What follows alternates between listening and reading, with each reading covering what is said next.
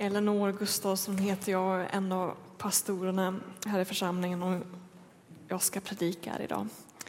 Och den här predikan är dedikerad till alla dem som en gång fattade beslutet att följa Jesus och som lät döpa sig.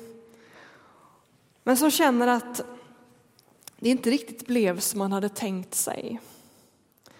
Tron svalnade, vägen blev krokig, överlåtelsen bristfällig, radikaliteten förvandlades till någon slags småborgerlighet. Till dig är den här predikan dedikerad och jag skulle vilja ge dig tröst och jag skulle vilja hjälpa dig att tänka gott om ditt dop.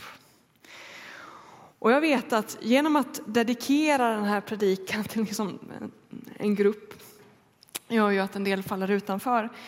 Eh, och jag är väl medveten om att alla här inne är inte döpta. Jag är också väl medveten om att alla här inne inte är döpta med troendedopet, alltså vuxendopet. Men jag tror ändå att alla som lyssnar här idag kan bära med sig någonting av den här predikan eh, och lära sig någonting om dopet genom att jag väljer den här vägen. Idag är det ju nattvardsgudstjänst, det har vi en gång i månaden och då brukar vi alltid stanna upp inför en berättelse ur, ur Jesu liv. Det brukar vara en lite kortare predikan än vad vi brukar ha. Och sist vi hade nattvardsgudstjänst så predikade Fredrik om när Jesus var 12 år och, och blev borttappad i Jerusalem under ett påskfirande. Sen står det inte så mycket mer om Jesus, liksom vad han gjorde tonåren och in i vuxenlivet och så. Utan vi möter honom inte förrän den dag han döps. Det är liksom ett tyst mellan de två punkterna. Jesus 12 år i templet och hans dop. Och till den texten ska vi gå nu. Vi ska läsa från Markus evangeliet kapitel 1, vers 9. Markus evangeliet är det mest kortfattade evangeliet. Det finns ju fyra berättelser om Jesu liv. Mar eh, Matteus, Markus, Lukas och Johannes. Och Markus är det mest kortfattade. Så nu får vi en speedad version. Markus 1, kapitel 9. Vers 9 menar jag. Kapitel 1, vers 9.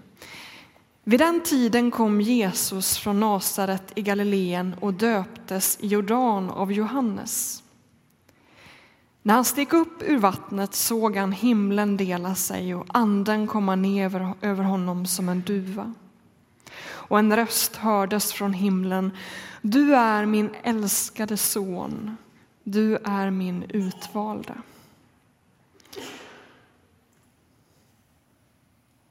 Anden drev honom ut i öknen och han var i öknen i 40 dagar och sattes på prov av Satan. Han levde bland de vilda djuren och änglarna betjänade honom. När Jesus hade blivit fängslad när Johannes hade blivit fängslad kom Jesus till Galileen och förkunnade Guds budskap och sa Tiden är inne, Guds rike är nära, omvänd er och tro på budskapet. Det var från Markus evangeliet. Och det var väldigt mycket innehåll på bara sex verser. Väldigt komprimerat. Det berättas om Jesu dop, hur han sen drevs ut i öknen för att frestas av djävulen och hur han sen håller sin första predikan. Frågan är då, varför lät Jesus döpa sig? Dopet säger vi ju är ett reningsbad för syndaren. Alltså dopet renar oss från synden och Jesus var ju syndfri. Varför döpte sig Jesus?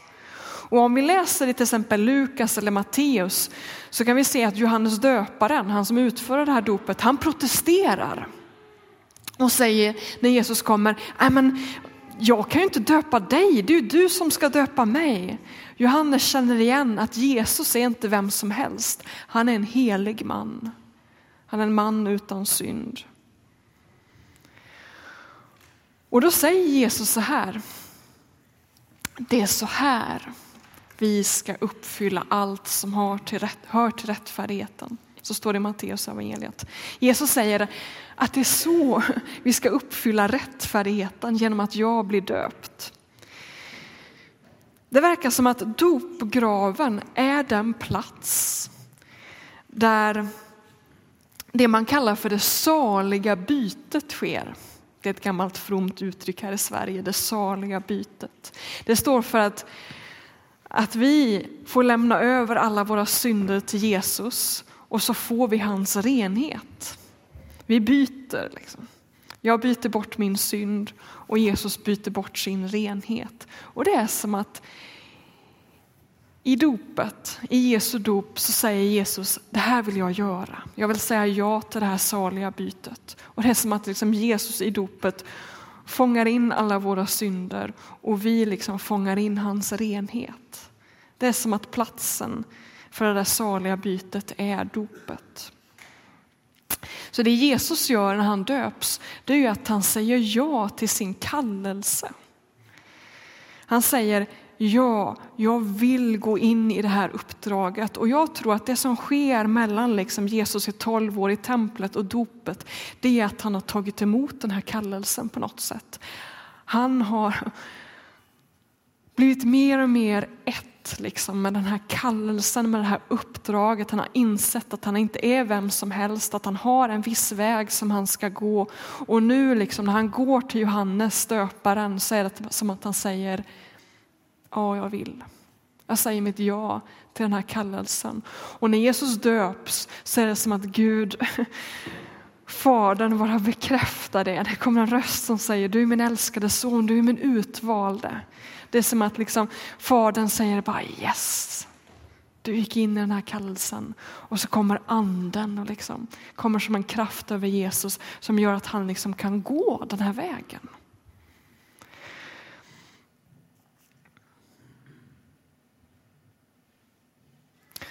Och något liknande sker ju när vi döps här i kyrkan i den här dopgraven. Jesus sa ja till att gå korsets väg och det gör vi också. Ibland när vi har dop här så brukar vi sjunga den här hymnen. Jag har beslutat att följa Jesus och aldrig mer tillbaka gå. Älskar den sången. Och en annan vers lyder, jag lämnar världen och följer korset och aldrig mer tillbaka gå. När vi döps här, då får vi också liksom säga, nu vill jag ge mig. Jag vill ge mig till den här kallelsen, jag vill gå den här vägen, jag vill säga ja till det här uppdraget att vara Jesu lärjunge. Och Gud bekräftar det och kommer med sin kraft över oss. Så dopet det är ett reningsbad, men det är också som en slags vigsel. Jag har sagt det i predikningar ibland att dopet kan liknas vid en vigsel. Där liksom vi lovar varandra trohet i nöd och lust. Där vi säger vårt ja till Jesus, men också Jesus säger sitt ja till oss. Och vi förenas med Jesus. Vi säger ju att äktenskapet är någon slags förening. Dopet är också en förening. Vad händer sen då när man har sagt sitt ja och sjungit med i den här sången, jag har beslutat att följa Jesus och man har deklarerat sin tro för hela församlingen och så stiger man upp, vad händer sen? Vi har ju en ledtråd här i texten som vi läste. Vad hände Jesus? Jo, anden drev honom ut i öknen för att sättas på prov av Satan.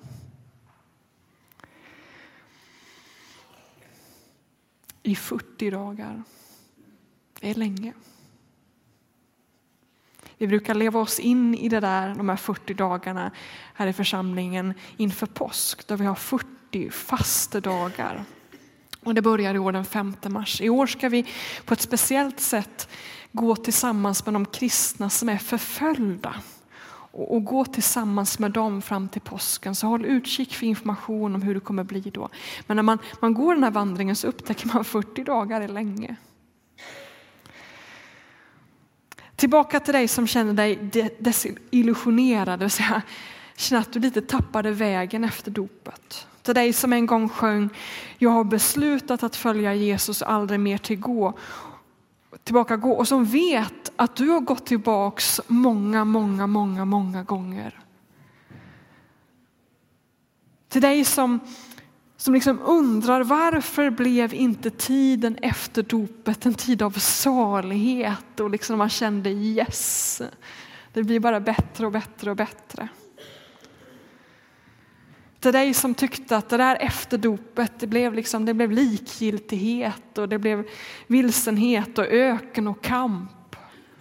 Och till dig vill jag säga, du är gott sällskap. Det är så det är. Det var så Jesus hade det efter dopet. Det är ibland tid av kamp och prövning och frestelse och öken, öken. Allt är inte enkelt efter dopet.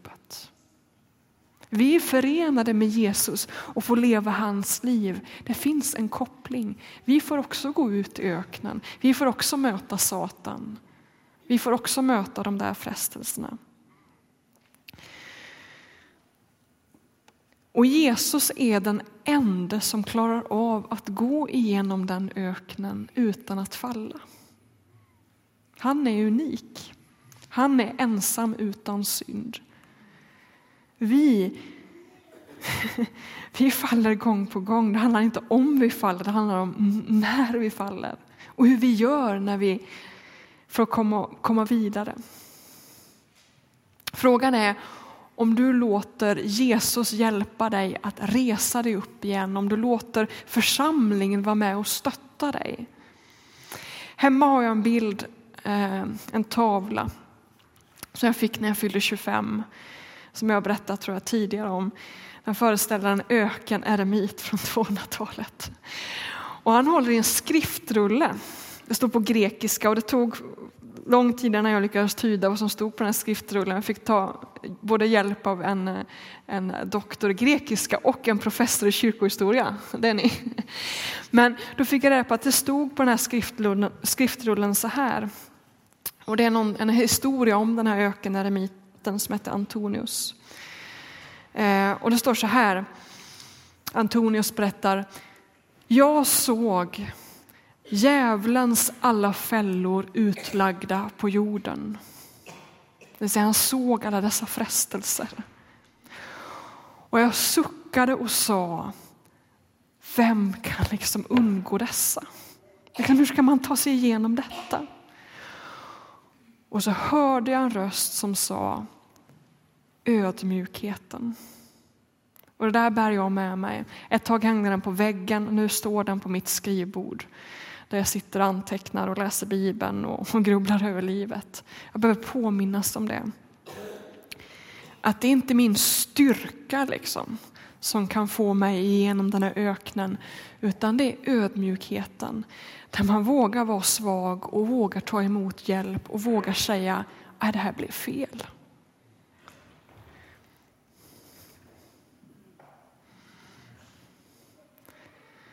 Vägen efter dopet är snårig. Och vår oförmåga att hålla vad vi lovat när vi sjöng Jag har beslutat att följa Jesus och aldrig mer tillbaka gå gör inte dopet om intet.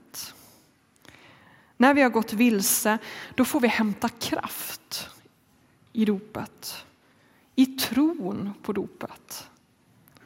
Tron på att det finns förlåtelse, att det finns nåd och att det finns alla möjligheter i världen att börja om.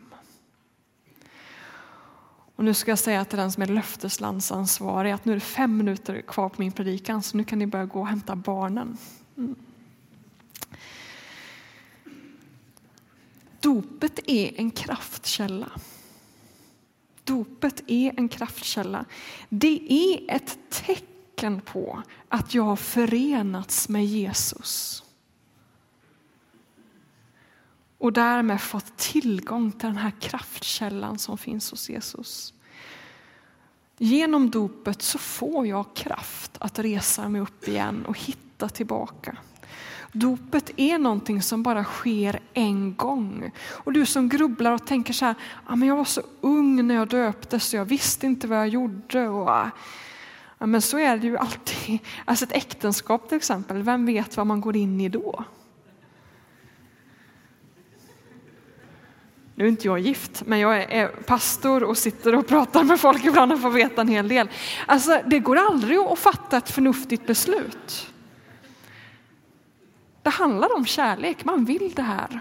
Och så säger man sitt ja och sen handlar det om att lära sig att leva i det löftet. Det har funnits dagar då jag känner, nej jag vill inte detta med Jesus.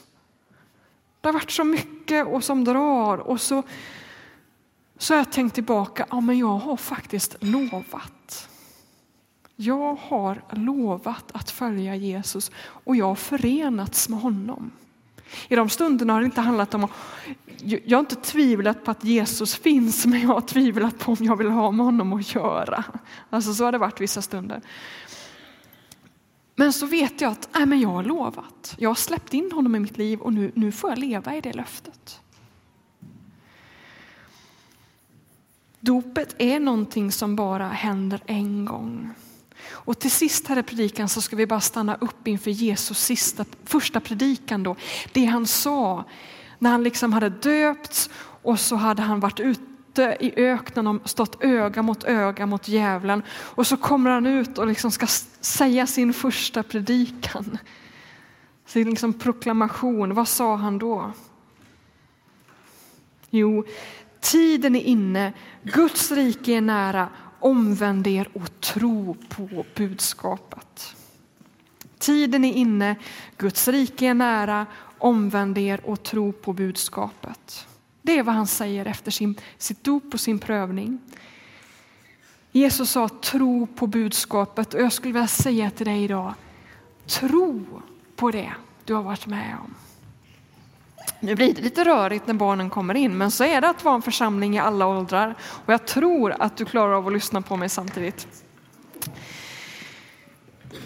Våga tro att du är förenad på Jesus. Våga tro att den kraftkällan finns i dig. Att Jesus bor i dig och att han aldrig överger dig. Våga tro att det där saliga bytet har ägt rum. Att det har hänt på riktigt.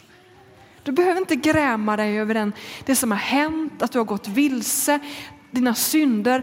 Det är begravet. Våga tro på det. Och nu ska vi fira nattvard.